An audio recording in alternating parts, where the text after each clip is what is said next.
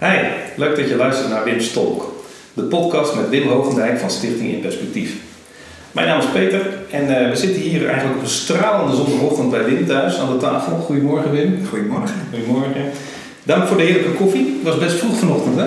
Best wel. Ja, de meeste mensen in slapen nog volgens mij. In ieder geval zijn er nog twee aan het slapen, dat weet ik zeker. Ja, dan krijg je misschien nog wel geluiden van mij als die wakker worden. Beetje koffie zetten, eitje bakken misschien. En Wim, waarom doen we dat eigenlijk zo vroeg op zondagochtend uit bed? Wat is de bedoeling van deze podcast? Nou ja, het is natuurlijk sowieso een heerlijk moment om zo in alle rust eens even met elkaar door te bomen over allerlei onderwerpen die volgens ons toch heel wezenlijk zijn. Ja. En die bij mens zijn horen. En ja, wij willen onze ervaringen graag een beetje delen met anderen. Ja, dat is een beetje onze missie, hè? Ja. Ook om dingen in perspectief te zetten, zoals de naam van de stichting al eh, is. Eh, maar podcast maken is niet het enige wat je doet. Je spreekt ook eh, regelmatig in gemeenten. Wanneer eh, en waar komen we je tegen de komende tijd? Ja, de komende tijd, ik spreek binnenkort in de beeld. Dat is, even kijken hoor, 13 oktober. Ja, zei 13 je. oktober zit ik daar. Dat is een soort uh, een vol evangeliegemeente. Er komen ook al een paar jaartjes ontzettend aardige, lieve mensen daar. Leuk. En dan 26 oktober op een zaterdag. Dan spreek ik in, in Drachten. Zo. In uh, Mayaan Yeshua, zoals ze heet. En dat is een Messiaanse gemeente. Ook, eh, ja, hartstikke leuk. Leuk. Je kunt in principe, als je het leuk vindt, die woont een beetje in de buurt. En je denkt van nou, wil ik eens een keer eh, proberen. Kunnen we elkaar live ontmoeten? Kan altijd. Dus eh, iedereen is hartelijk welkom. Prima. Vandaag eh, willen we direct eigenlijk naar het hart van het christelijk geloof. Hè? Wat vaak eh, de centrale tekst eh, van de Bijbel wordt genoemd.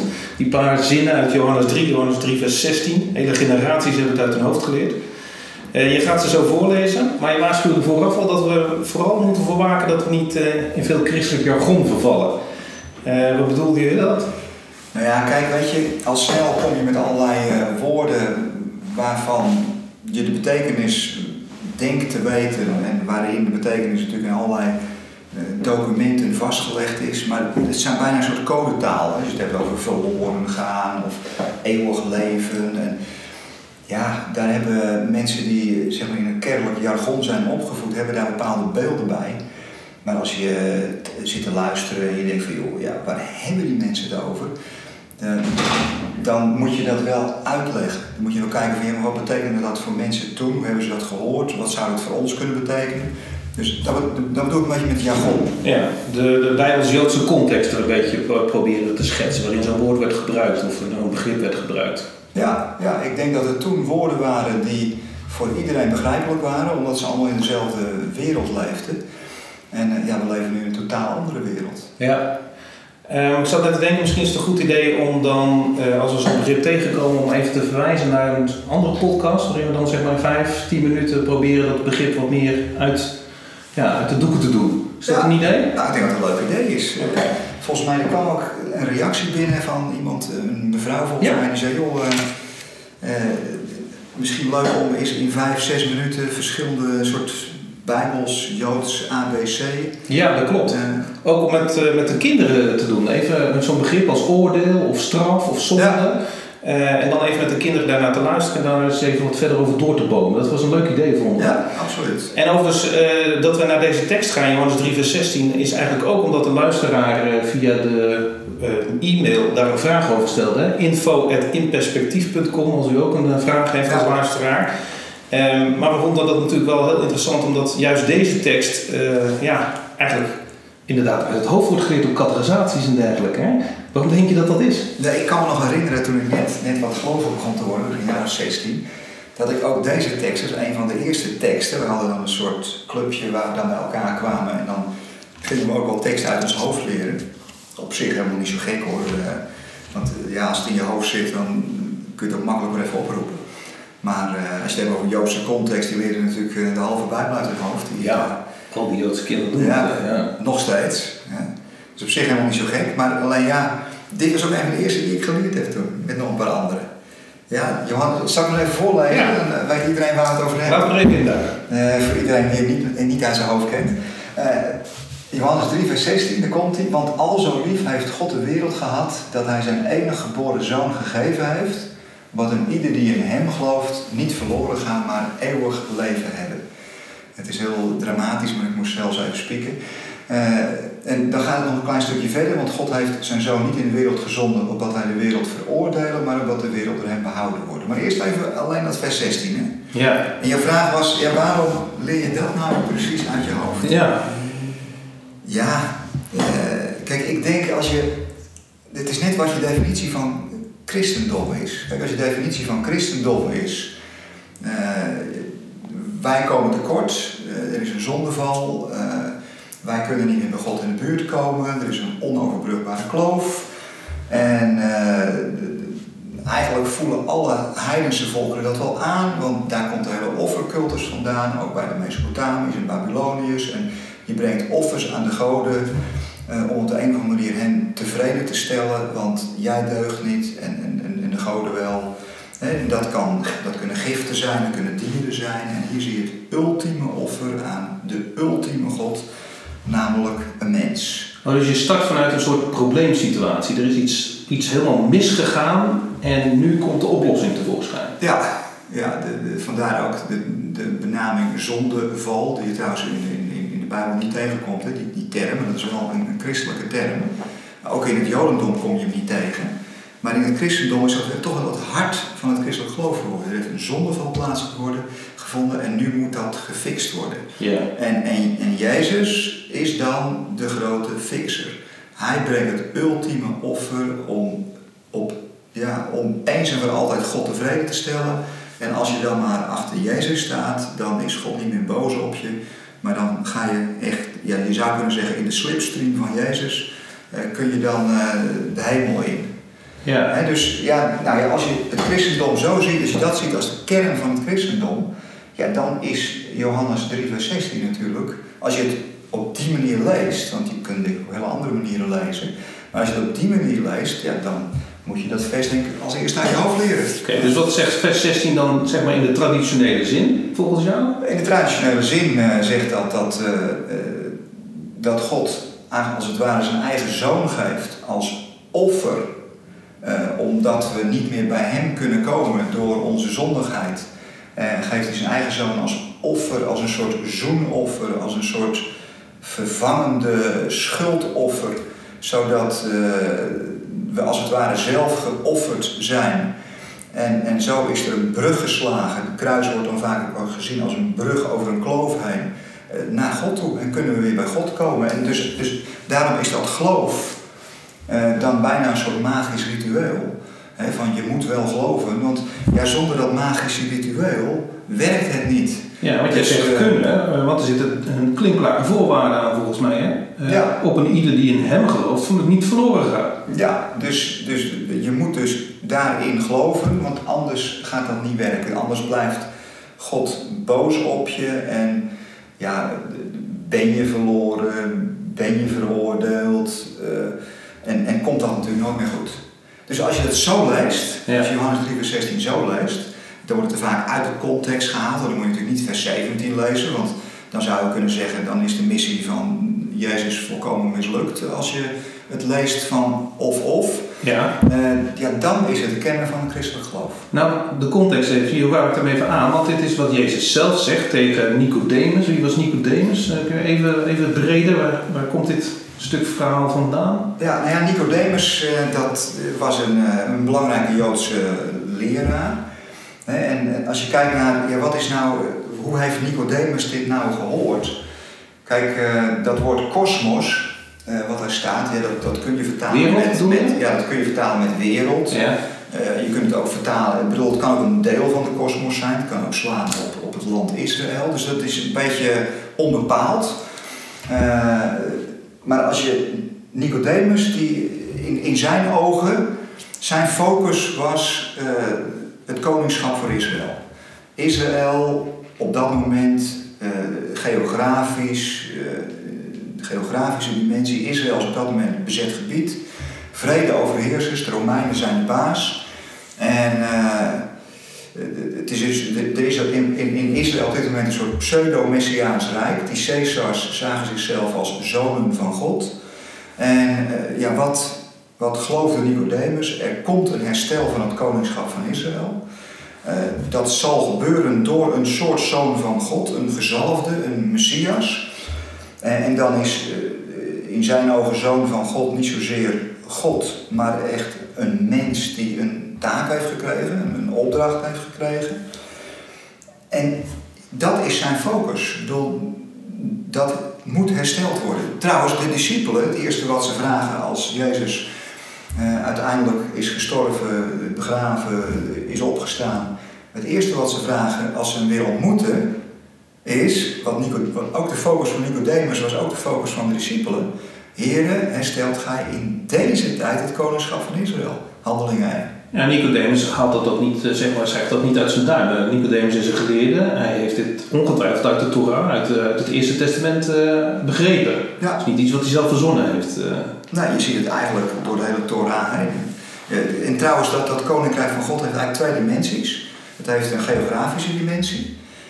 Sommige Joodse stromingen richten zich vooral daarop. De Zeeloten, die ook daadwerkelijk later in opstand komen tegen de Romeinse overheersing. Voor het land Israël. Voor het land Israël, voor de geografie. Dat moet echt daadwerkelijk gebeuren. Dat heeft ook een spirituele dimensie.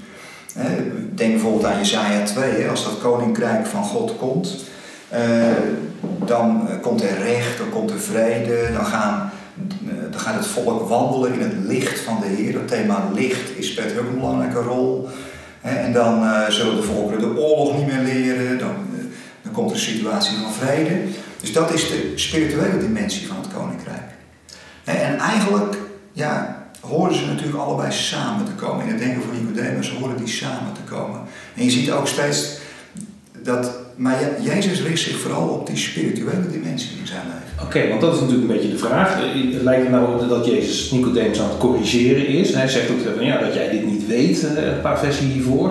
En dan gaat hij dit uitleggen. En wat, wat wil Jezus dus met deze zin, zeg maar, bereiken bij Nicodemus, denk jij?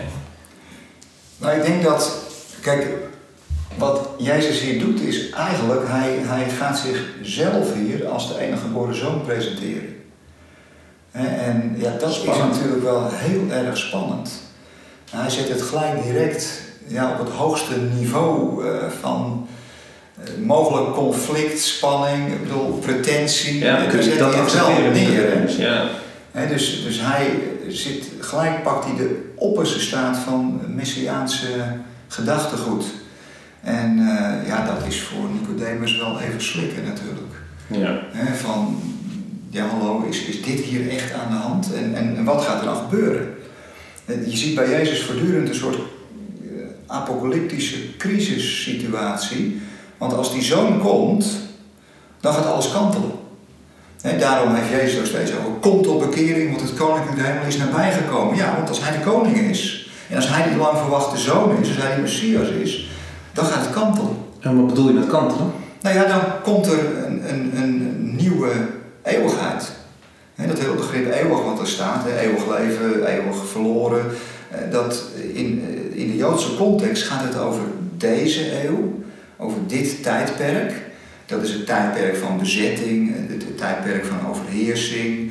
En je hebt het over de toekomende eeuw. En dat is het tijdperk van het lang beloofde koninkrijk. Ja, dit is zo'n begrip waar we echt even een aparte podcast aan moeten wijden. Uh, eeuwig, iedereen denkt van nou dat is een eindeloze tijd, maar in de Bijbelse context is dat eigenlijk het tegenovergestelde van uh, bijna van een eeuwig. Het is juist een afgebakende tijd die wel in die zin, je kunt er niet precies afbakenen in jaartallen. Het is, soms kan het wel eindeloos lang lijken te duren. Ja. als je bij de tandarts zit, dan, dan lijkt dat een eeuwigheid te duren. Ja. Terwijl als je een dagje Efteling erop hebt zitten, dan denk je, is heel fijn. Ja. In ieder geval voor de kinderen. Voor de ouders kan het ook een eeuwigheid lijken te duren, maar andere uh, redenen. Maar ja, dus het, het heeft wel een, een afbakening in, in tijd, als je het over kwantitatief hebt. Hè. Uh, misschien moeten we straks nog wat... Ja, daar moeten we even apart op ingaan. Zeker als je dat uh, nog nooit gehoord hebt, dan is het goed om misschien even die podcast... Maar goed, dit zet voor Nicodemus de zaak enorm op scherp.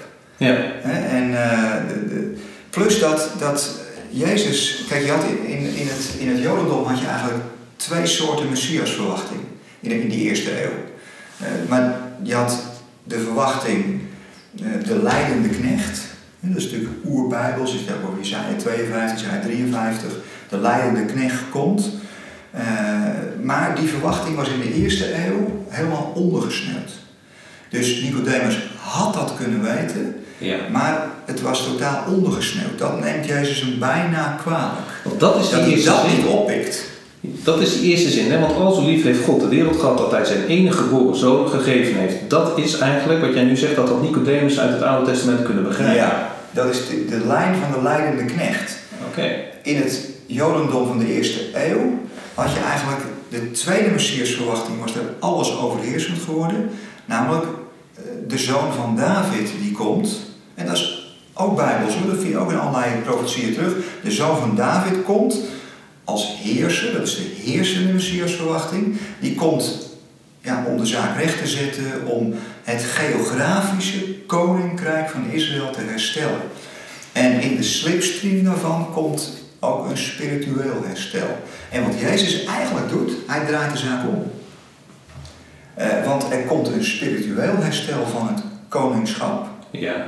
En dat koningschap wordt uiteindelijk ook uitgebreid aan de volkeren, dat spirituele herstel. Maar er is nog geen geografisch herstel.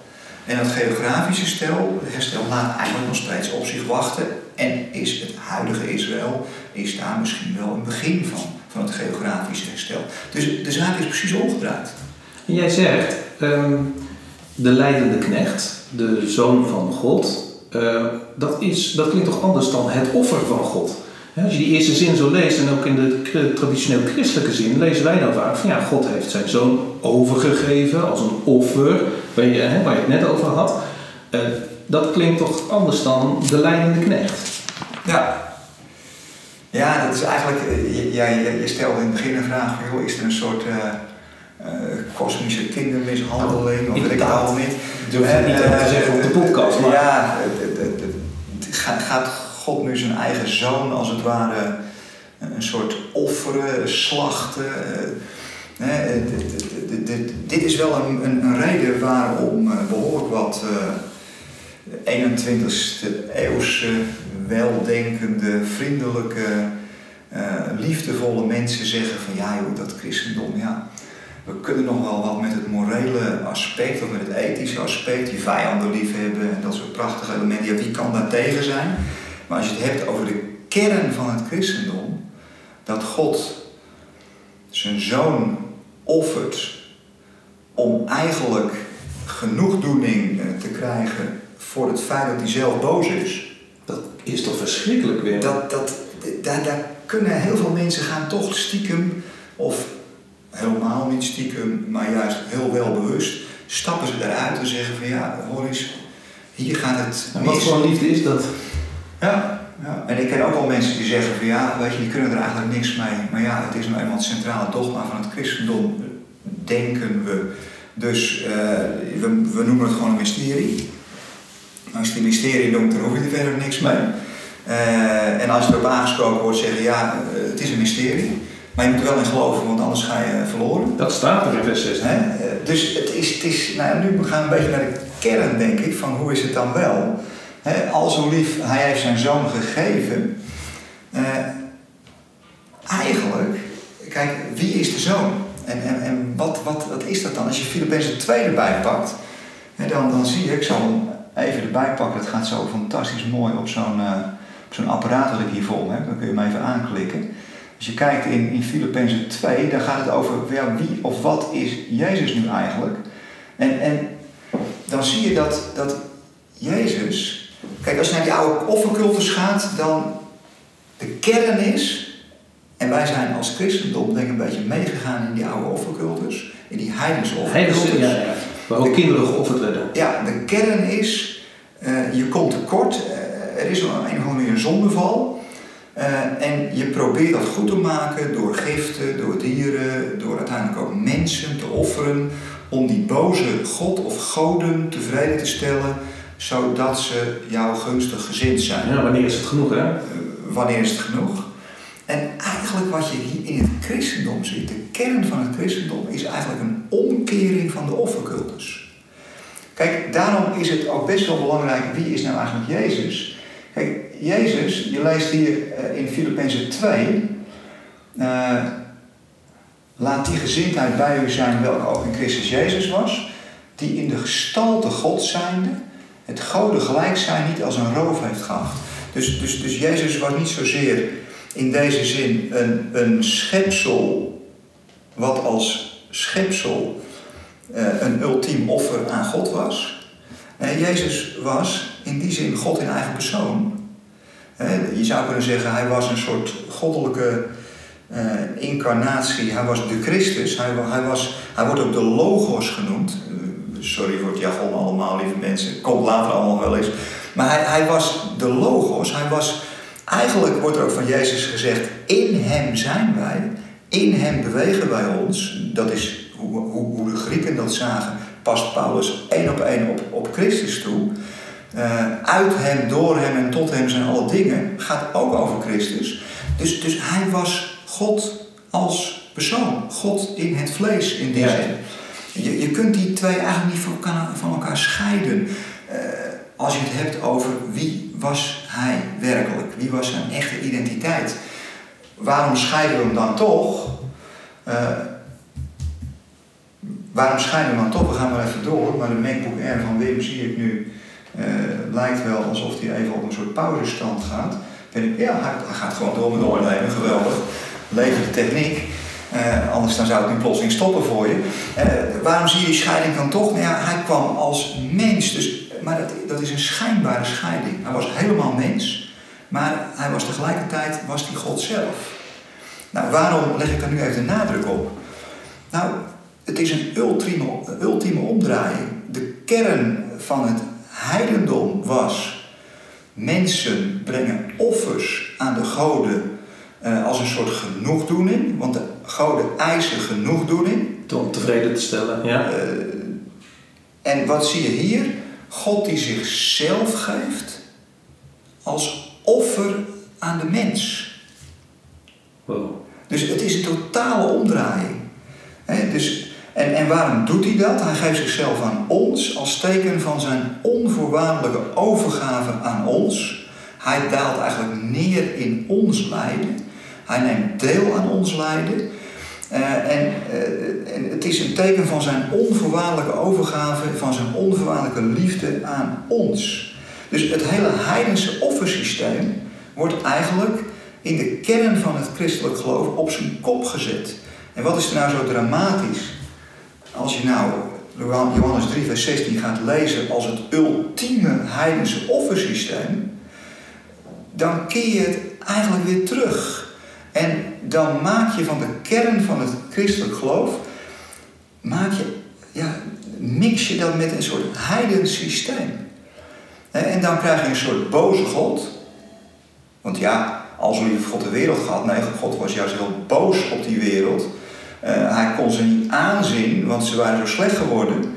Uh, en hij wilde genoegdoening hebben, maar ergens daarachter hield hij toch van ze. Dus ging zijn eigen zoon maar betalen. Dat is een heidense beeld. Dat is eigenlijk een soort heidens beeld, vermengd met een soort christelijk sausje. Hmm. Want je wil toch ergens die liefde van God redden.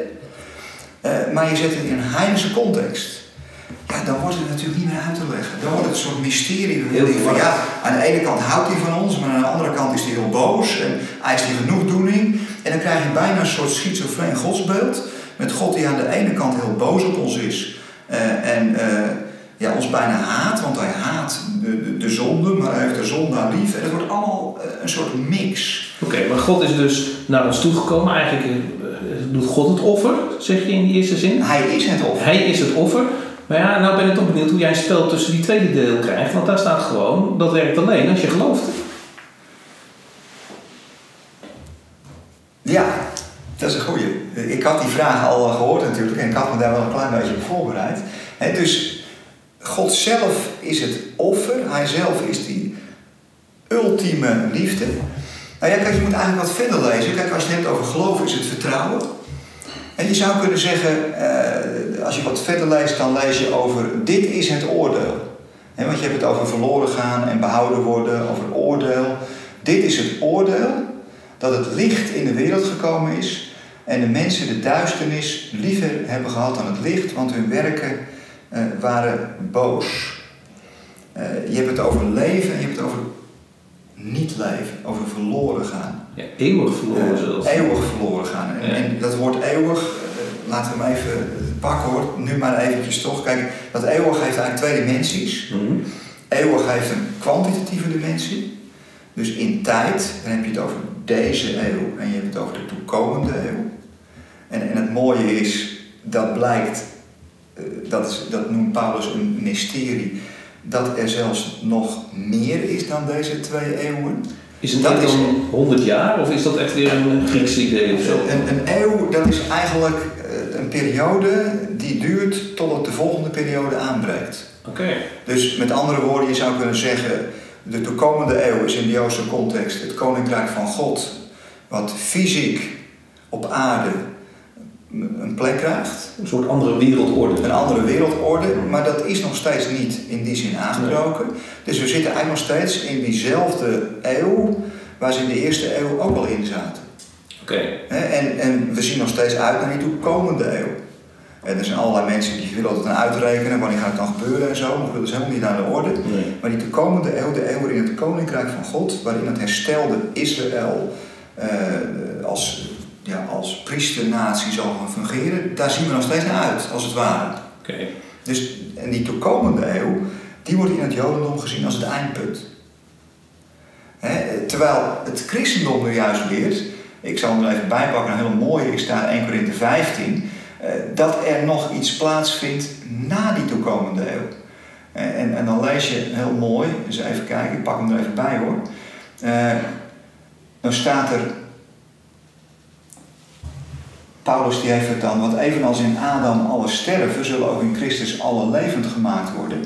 Dit lijkt een beetje op Johannes 3, vers 17. Christus kwam, dat was zijn doel, om de wereld uh, te behouden. Uh, nou, dat lijkt al te worden gelogen straf door Johannes 3, vers 16, waar juist een tweedeling is. En dan zou je denken, een deel wordt dus niet behouden, maar gaat verloren. Ja, natuurlijk, gaat verloren. Letterlijk staat er zelfs, gaat ten verderven. Uh, gaat kapot. Eh, dat is vrij bruut wat er staat. Maar als je dan leest in 1 Corinthië 15, evenals in Adam sterven zullen Christus alle levend gemaakt worden, maar ieder in zijn eigen rangorde. Eh, er komt dus blijkbaar een soort plan. Uh, Christus als eersteling. Dat is de eerste stap. Dat is de eerste stap. Vervolgens die van Christus zijn bij zijn komst. Dat zijn eigenlijk de mensen die zeggen van ja, ik blijf niet in die duisternis. Ik sluit me aan op die lichtbron. Dus, uh, je gaat geloven in Jezus. Ja, ik sluit me aan op die onvoorwaardelijke liefde. Ja, en je zegt die gaan geloven in Jezus. Misschien is dat ook nog wel wat breder. Hè, want uh, die, die zich aansluiten bij de Christus. En dan is het heel mooi om te zien wat is de Christus nou eigenlijk. En Paulus die is uh, in, in Athene bij die, bij die heidense Grieken. En, en die heeft het daar over in hem leven en bewegen bij ons. Wij zijn van zijn geslacht. dus, dus kennelijk is die Christus, in, in, die, die kan zich, je kan zomaar geloven in Jezus terwijl je het idee hebt dat je niet gelooft in Jezus. Dat is wel ingewikkeld. Dat is hartstikke ingewikkeld, maar Jezus geeft er wel een clue in, bijvoorbeeld in Matthäus 25, eh, waar hij zegt van ja, eh, ieder die dit aan de minste gedaan heeft, de, de gevangenen bezocht, eh, uh, mensen kleding gegeven die geen kleding hebben. Uh, die heeft wat aan mij gedaan. Oftewel, die was eigenlijk in mij aan het geloven. Ja, geloof is dus niet zo'n theoretische exercitie, maar het gaat veel meer over wat je doet. Over je, ja, het, het, is veel meer je, je, aansluiten bij een bepaalde manier van leven. Hmm. Uh, dus niet geloven in de juiste formule, maar ja, je leven op een bepaalde manier inrichten is eigenlijk ook heel heidens, hè? dat geloven in een bepaalde formule, een soort, soort, het lijkt wel een soort magie dan. Dat wordt een soort magie. Juiste tuilverspreuk en dan zeggen we de juiste dingen en dan is het oké. Nou ja, goed, als je de kern van het christendom ziet als een, een, een, een totale genoegdoening en door het eh, ultieme uh, slachtoffer, dan is het logisch dat je het zo ziet. Hè? Maar ja, als je het, het ziet als een offer van God aan ons, dus een ultiem offer aan ons om te laten zien wie Hij echt is. Met als doel ons te verleiden, ons te verleiden Hem te gaan vertrouwen en Hem ons leven te gaan toevertrouwen. Ik denk dat dat ten diepste geloven in Jezus is, want geloof betekent letterlijk vertrouwen, dat je Hem steeds meer je leven durft toe te vertrouwen. En als, zo in, in dat proces ga je steeds meer wandelen in het licht. Want daar past duisternis niet meer bij. Daar, daar, daar, dat is ook wat Paulus steeds zegt, van leg af de oude mens, die oude mens die voortdurend wantrouwig is, die voortdurend in dat oude heidense denken, in die offercultus zit, in dat magische denken zit en, en trekt een nieuwe mens aan. En die nieuwe mens, dat is nou juist geloven in Jezus. Die nieuwe mens, dat heeft te maken met vriendelijkheid, met zelfbeheersing, eh, met de naaste liefhebben als jezelf. Dat is die nieuwe mens. En, die, en dit, dus dat, het is niet zozeer een transactie, maar het is een transformatie. En, en wij zien de kern van het christendom in een transactie. Tenminste, als je zo Johannes 3 vers 16 leest. En het is veel meer een transformatie. En je ziet ook als je... Oh ja, nou laat ik die 1 Korinthe trouwens even afmaken. Ja. Ik dwaal een beetje af. Iedereen zijn eigen rangorde. Christus als eersteling, vervolgens die van Christus zijn bij zijn komst. Stap 2, ja. Stap 2. Je zou kunnen zeggen, dat is in het Joodse denken dat koninkrijk van God. Dat is... Uh, en je zou, als je het kwantitatief zou zien, dan zou je kunnen zeggen, nou ja, daar uh, missen een aantal mensen de boot. Uh, en daarna het einde. En einde moet je niet zien als een eindafrekening, zou het woordje telos, dat betekent daarna komt het uiteindelijke doeleinde. Stap 3 dan? Dat is stap 3. Dus na Jezus komst komt er eigenlijk nog een stap? Na dat koninkrijk komt er nog een derde stap. Oké. En, en eh, daar treedt ook de verwarring op, denk ik. Want dan heb je het over, ja, weet je, als je stap 2 mist, kwantitatief, dan, ja, dan ben je zo'n restafval. Nee, daarna het einde, wanneer hij het koningschap aan God de Vader overdraagt, wanneer hij alle heerschappij, alle macht en kracht ontroond zal hebben, want hij moet als koning heersen totdat hij al zijn vijand aan zijn voeten gelegd heeft. De laatste vijand die ontroond wordt is de dood. Want alles heeft hij aan zijn voeten onderworpen, maar wanneer hij zegt dat alles onderworpen is, blijkbaar hij uitgezonderd die hem alles onderworpen heeft. Wanneer alles hem onderworpen is, zal ook de zoon zelf zich aan hem onderwerpen, die hem alles onderworpen heeft. Wow. Uh, laat maar even zitten, maar waar het in de derde stap om gaat is, opdat God zij alles in allen. Dus het einddoel is uiteindelijk dat God in zijn in alles wat hij geschapen heeft, alles wat hij bedacht heeft, dat hij dat volledig vervult. dus als je teruggaat naar Johannes 3, vers 16, om het even iets eenvoudiger te back to earth. In Johannes 3, vers 16 zie je dan dat 17e vers, eh, waar dan staat: wat is het ultieme doel van Jezus? Want God heeft zijn zoon niet in de wereld gezonden opdat hij de wereld veroordelen, maar opdat de wereld door hem behouden wordt. En dat gaat om het, het terugbrengen van de hele kosmos. Het woordje behoud, dat soterion, dat is niet een soort persoonlijke ticket naar de hemel, maar dat is het terugbrengen van de kosmos naar God. Eigenlijk de eenheid van de, van, van, van de kosmos. Dat is dan het einddoel, dat, dat is, het stap 3. En dat is dan God alles in allen. Dus als je het hebt over eeuwig, Johannes 3 vers 16, beperkt zich tot deze eeuw en de toekomende eeuw. Stap 2 eigenlijk, zeg maar. Uh, stap 2. Oké. Uh, maar er wordt gelijk een doorkijkje gegeven naar stap 3 in vers 17. Oké.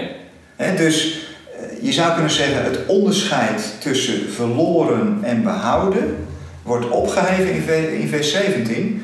Want daar wordt die hele kosmos, het doel is dat daar het hele kosmos behouden wordt. Dus in de christelijke traditie stoppen we eigenlijk te vroeg met lezen. We, houden ons ergens bezig met stap 2, ja, dat eeuwig leven, eeuwig veroordeeld. Ja. En dat maken wij tot eindstap, terwijl er daarna nog iets komt. Ja, ja. En, en misschien nog wel meer, we maken stap 2 zelfs niet helemaal af.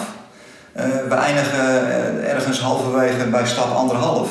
Want kijk, stap 2 wil zeggen dat dat koninkrijk van God de hele aarde gaat vervullen. En dat al die volkeren, die, die, volk, die heidense volkeren, zich als het ware gaan aansluiten uh, bij de God van Israël.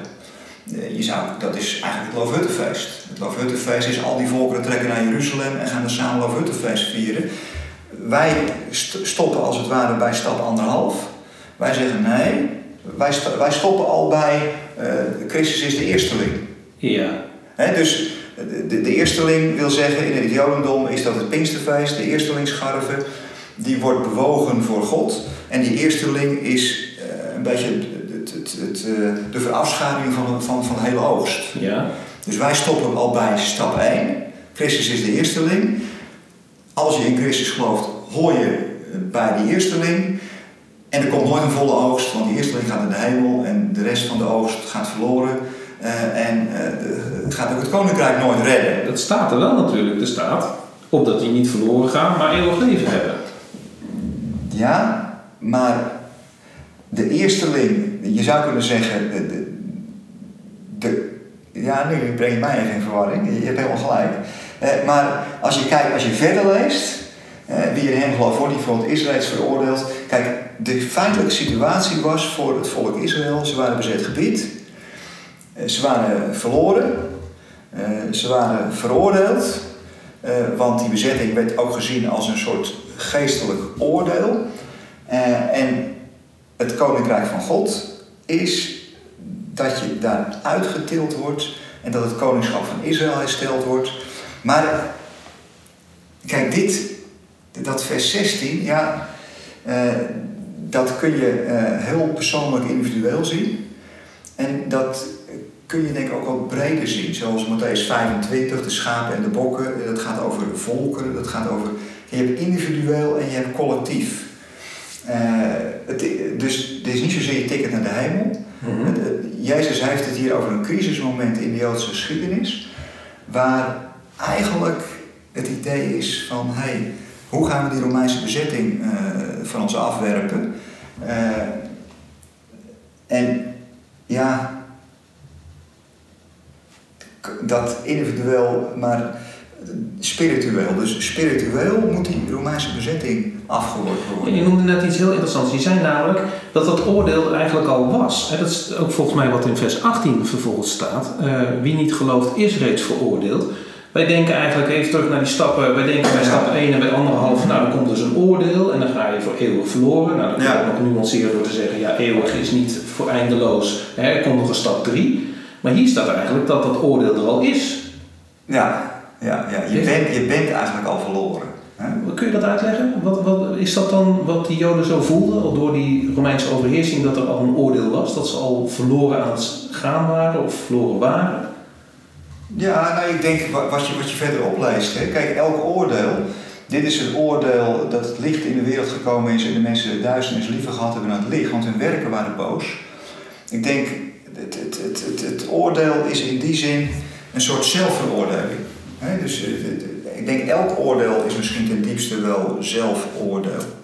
En wat je ziet, wat, wat God doet in de Bijbel, Romeinen 1 bijvoorbeeld, daar, daar, daar staat van God heeft ons overgegeven. Je zou kunnen zeggen, hij, hij laat het gebeuren. Uh, hij faciliteert het, zou je bijna kunnen zeggen. Uh, overgeleverd aan dat wat in ons zit. We mogen dat ook uitleven. He, hetzelfde zie je in, in, in de Bijbel bijvoorbeeld bij, bij Farao, waar je leest van hij verhardde het hart van Farao. Dus dat wil niet zeggen dat hij het hart van Farao ging sturen een bepaalde kant op. Nee, hij gaf als het ware Farao kracht. Verharden is krachtig maken. Om dat wat hij wilde ook daadwerkelijk te gaan doen. Dus, dus, dus in, die zin, uh, dat is natuurlijk heel mooi als, als het gaat om van ja, wat is nou kwaad, wat is nou goed, uh, hoe, hoe zit dat met dat kwaad? Wow, wat doen we allemaal vanmorgen? Het kwaad moeten we ook nog uitleggen. Ja, uh, je zou kunnen zeggen, kwaad is gecorrumpeerd goed. En hij geeft, hij, hij schept de faciliteiten om dat ook uit te leven. En, en, en tegelijkertijd levert hij zichzelf eraan over. He, dus hij blijft niet op een afstand staan kijken, uh, maar hij duikt als het ware zelf in onder. Hij gaat er zelf aan ten onder. Mm. Dat is ten diepste de kruisiging. Hè? Mm. Dus het ware God die zelf aan het kwaad ten onder gaat en, en meeleidt met iedereen die lijdt. Uh, en, en uiteindelijk als eerste weer boven komt. He, dus daarom is hij de eersteling van een nieuwe schepping en ook weer iedereen gaat meenemen in, in dat eerstelingschap. Ja.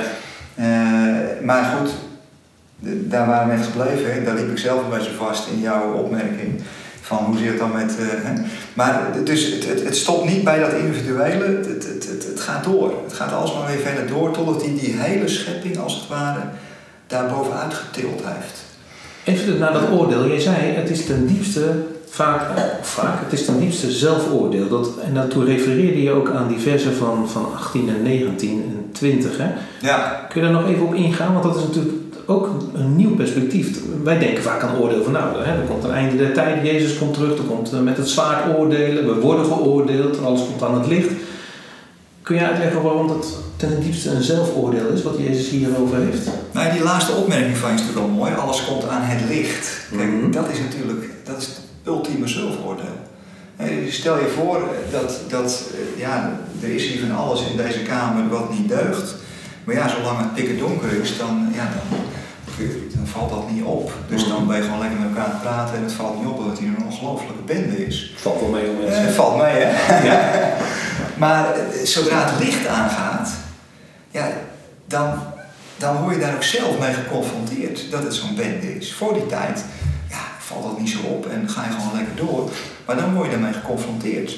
En ja, al na gelang je, de- je, je daar gevoelig voor bent, schaam je je natuurlijk kapot. Ja. Je schaamt jezelf kapot van wat voor bende het eigenlijk geworden is.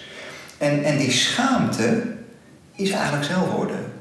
Het is daarom heel mooi. Wij mensen hebben, wij kunnen blozen, dat kunnen dieren niet. Mhm. En wij kunnen ons schamen, dieren schamen zich niet.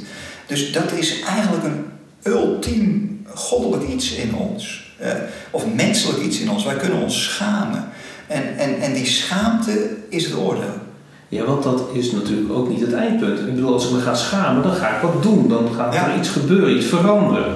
Dan ga je de kamer hier opruimen omdat je je schaamt. Nou, je ziet heel mooi, ik, ik zal het eens even erbij pakken. Eh, je ziet wel een soort van afschaduwing ook in het Oude Testament hoor. Als je bijvoorbeeld Ezekiel 16 neemt. Eh, Ezekiel 16, dat gaat dan over het, het oordeel over Jeruzalem. Eh, het was allemaal, Jeruzalem dacht ze eigenlijk best wel goed bezig waren. In Jeruzalem staat natuurlijk ook symbool voor het hele volk van God, voor Israël, voor Sion. En, en, en dan gaat het licht aan. God gaat even het licht aanknippen van Jeruzalem. Oké, we doen het licht even aan. Ja. En dan komt er een soort analyse. Nou, dat moet je maar eens lezen. Eh, in, in uh, die analyse, ik zal hem niet uh, helemaal gaan voorlezen. Maar, Dat is schrikken. En, en ja, dat, dat, je zou kunnen zeggen, God doet het licht aan. Jezus is het lichtknopje. Het licht gaat aan. Wereld, dan komt die analyse. En wat zie je dan? Er is verlorenheid, er is duisternis. En zijn er nog geen hele mooie dingen? Jawel, er zijn ook prachtige dingen. Maar er is ook een hoop bagger. Uh, en een hoop duisternis. Uh, en, en, en dan zie je, je zou kunnen zeggen, je hebt een soort genoegdoening. En, en dat is de theorie waar, waar, wij in zijn gaan geloven. Maar je hebt ook een visie op oordeel als uh, restauratie, Hmm. Uh, als herstel. En, en daarin speelt het zelfoordeel een hoofdrol. Want je kunt namelijk wel genoegdoening doen en je ticket hebben, maar dan is er in je eigen leven nog niks veranderd. Je inkeer dan is de gekomen. transactie heeft plaatsgevonden, maar er is geen transformatie. Ja. Uh, en dat wordt wel een soort ticketgeloof genoemd. Dan is alles op orde, maar er is niks veranderd. ja, jij bent niet veranderd. Jij bent niet veranderd. En in, en de Bijbelse lijn is veel meer zelfoordeel, schaamte en transformatie. En, en dan zie je, als je Ezekiel 16 uh, neemt, uh, Dan komt er herstel. dan komt er herstel. En dan zie je uh, in vers 61, vind ik een mooie. Jeruzalem heeft het totaal verknald. Het was zelfs zo erg dat het in Sodom en Gomorra nog erg, of nog minder, veel minder erg was dan in Jeruzalem. Dus Jeruzalem heeft het oordeel keihard verdiend. En wat is dat oordeel dan? Nou, ik ga een klein stukje lezen.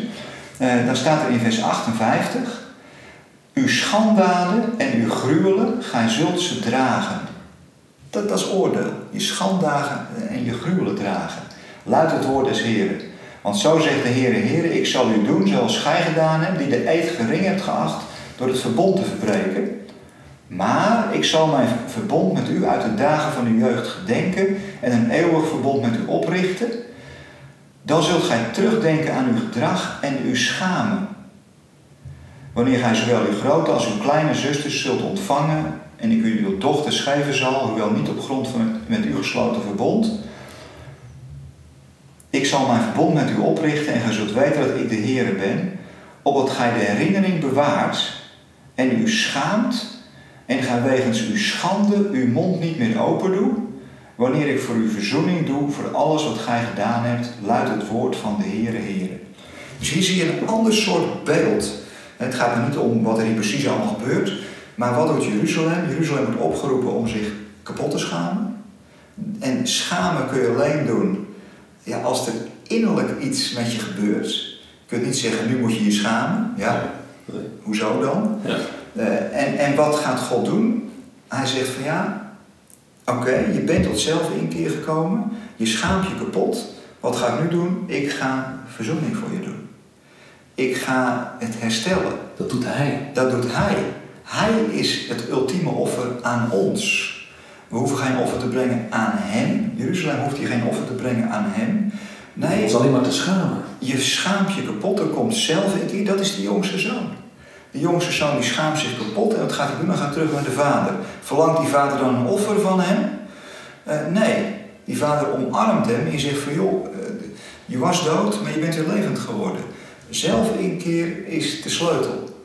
Het is transformatie en geen transactie.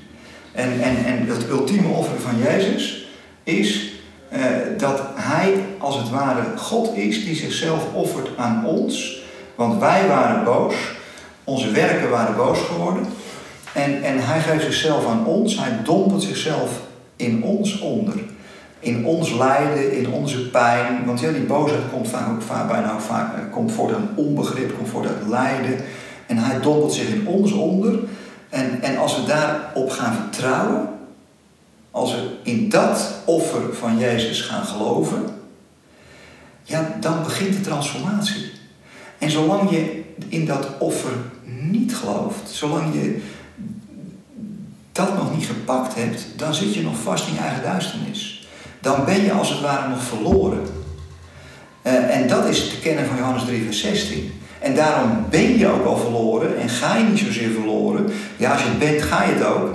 Uh, dus ja, dan, dan zit je nog gevangen in de gevangenis van je eigen duisternis, zou je kunnen zeggen. Er komt ook een eind aan, zeg jij. Er komt een moment dat er ook jij of ik tot inkeer gaat komen en ons gaan schamen. Ja, nou ja, dat is de kern van, van Filippenzen 2. Hè?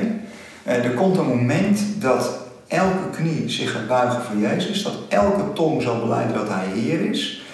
En, en dat is dus niet een soort transactiemoment, maar dat is een transformatiemoment. Er komt een moment dat je stuk loopt in je eigen zelfgeschapen universum, uh, in de Matrix, zo eens even te noemen. Uh, het moment dat je de echte werkelijkheid gaat zien, die er niet zo fraai uitziet. Alle illusies weg. Alle illusies zijn weg. Hm. Uh, je, je ziet in het licht waar al je pijn zit, waar al je verdriet zit, waar al je gebrokenheid zit. Vaak natuurlijk, dat is, dat is de kern van de hele zondebokgedachte. Die wordt ook omgekeerd. Want eh, de zondebok is God zelf. in, dit, in, in, in, in dit, kern van het christendom. Die de zonde wegdraagt. Ja. Yes. En wat wij natuurlijk vaak doen is, dat is, dat is het hele zondebok-idee. Onze pijn, onze tekortkomingen, zetten we al snel neer op een ander projecteren we op een ander en zo gaan we de ander veroordelen. En dat, is natuurlijk, dat is natuurlijk wat we vaak, uh, vaak doen. Ja. En, wat we, uh, en, en ja, zodra je dat gaat zien, dat is ook een stukje, ja, dat is echt schamen. Dan zie je ook wie je zelf bent. Ja. En dat is best wel even pijnlijk soms, denk ik.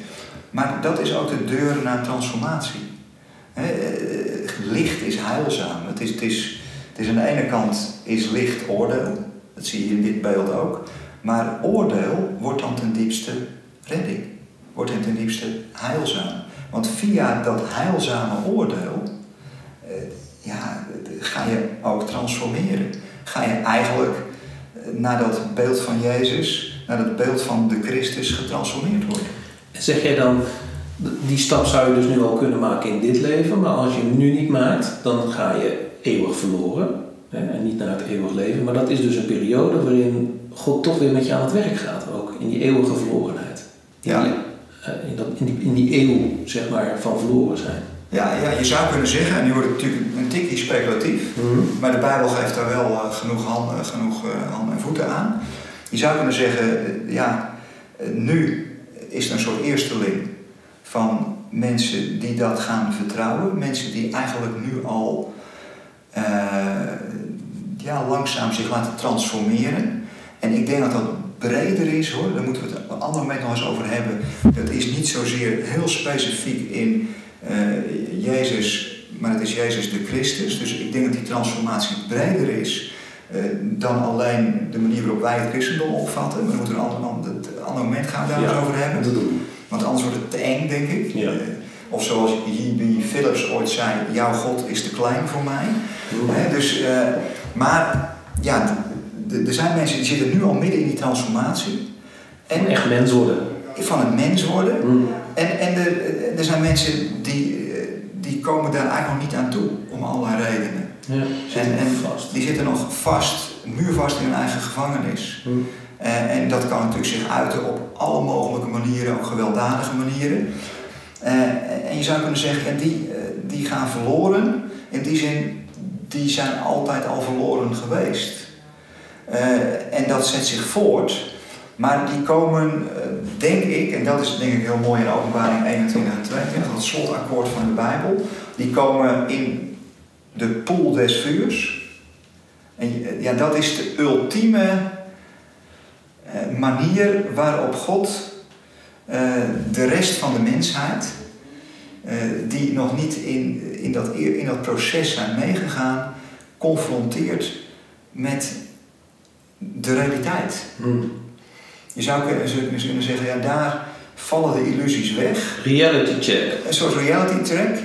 Daar kom je, daar kom je in de, de realiteit terecht.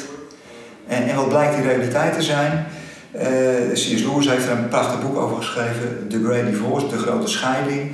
Uh, ja, daar zie je dat je in een soort, dat, dat je ziet dat, de, dat je in illusies hebt geleefd.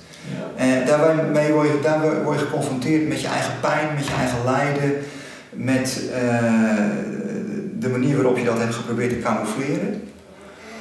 En dat noemt de Bijbel de tweede dood of de pool des vuurs. Kijk, vuur in de Bijbel heeft altijd een, een beeld van reiniging. Van, maar ja, tegelijkertijd is dat dus ook een oordeel.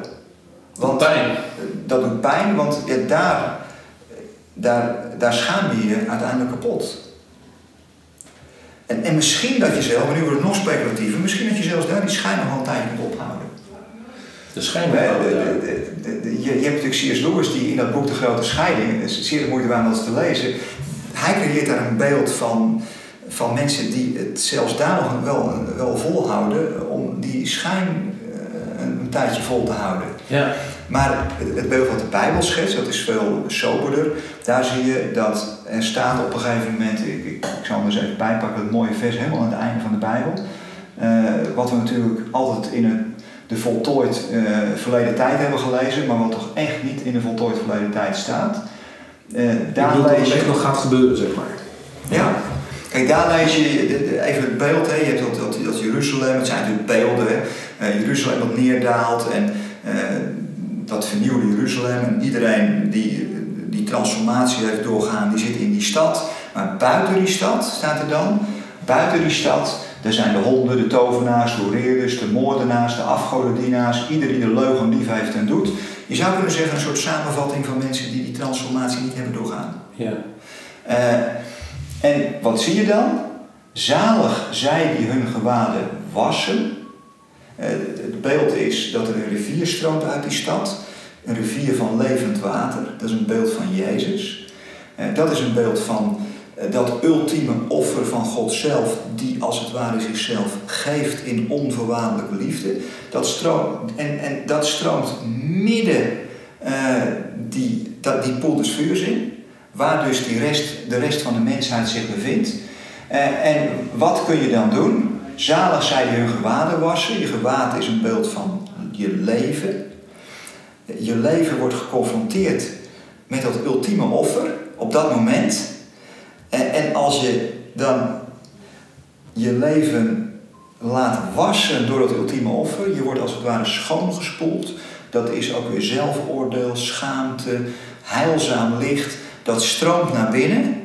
Dat, is, dat wordt hier wassen genoemd. Nou, vind ik wel een mooi beeld. Je kunt het ook rechtvaardiging noemen. Dat is eigenlijk hetzelfde beeld. Hè?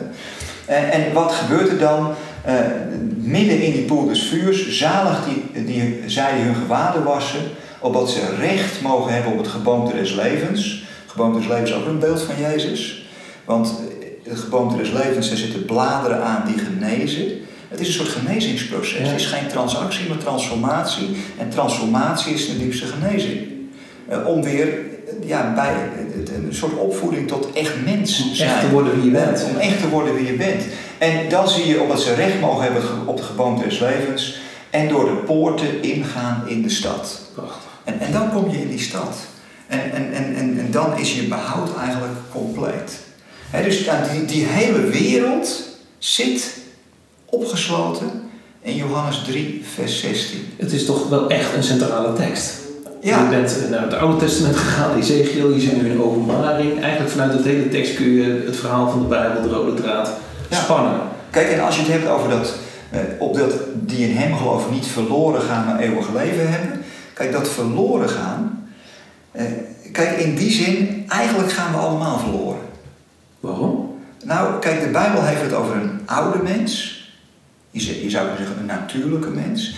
Dat is die mens die, je zou, ja, je kunt zeggen, die het licht uit heeft. En, en, en die op de tast aan het zoeken is naar het licht. Maar het licht is uit. Nou, die mens, die gaat ten verderven, zegt het Nieuwe Testament. Bijvoorbeeld, Efeze 4, vers 22, daar staat: uh, Wij allen hebben daarin gewandeld, in die oude mens die ten verderven gaat, maar we hebben de nieuwe mens aangetrokken. Daarom worden we ook allemaal zondaars genoemd. Ja. Uh, dus dat verloren gaan, moet niet even verschrikken. Nee, dat, kijk, dat, dat oude lichaam, wat uiteindelijk doodgaat, ja, dat gaat ten verderven, dat, dat, gaat, dat gaat kapot. Maar er komt een nieuw, veel beter lichaam van hemelse kwaliteit. En, en, en die nieuwe mens, dat is de Christus, die mogen wij aantrekken. Daar, daar mogen wij door getransformeerd worden.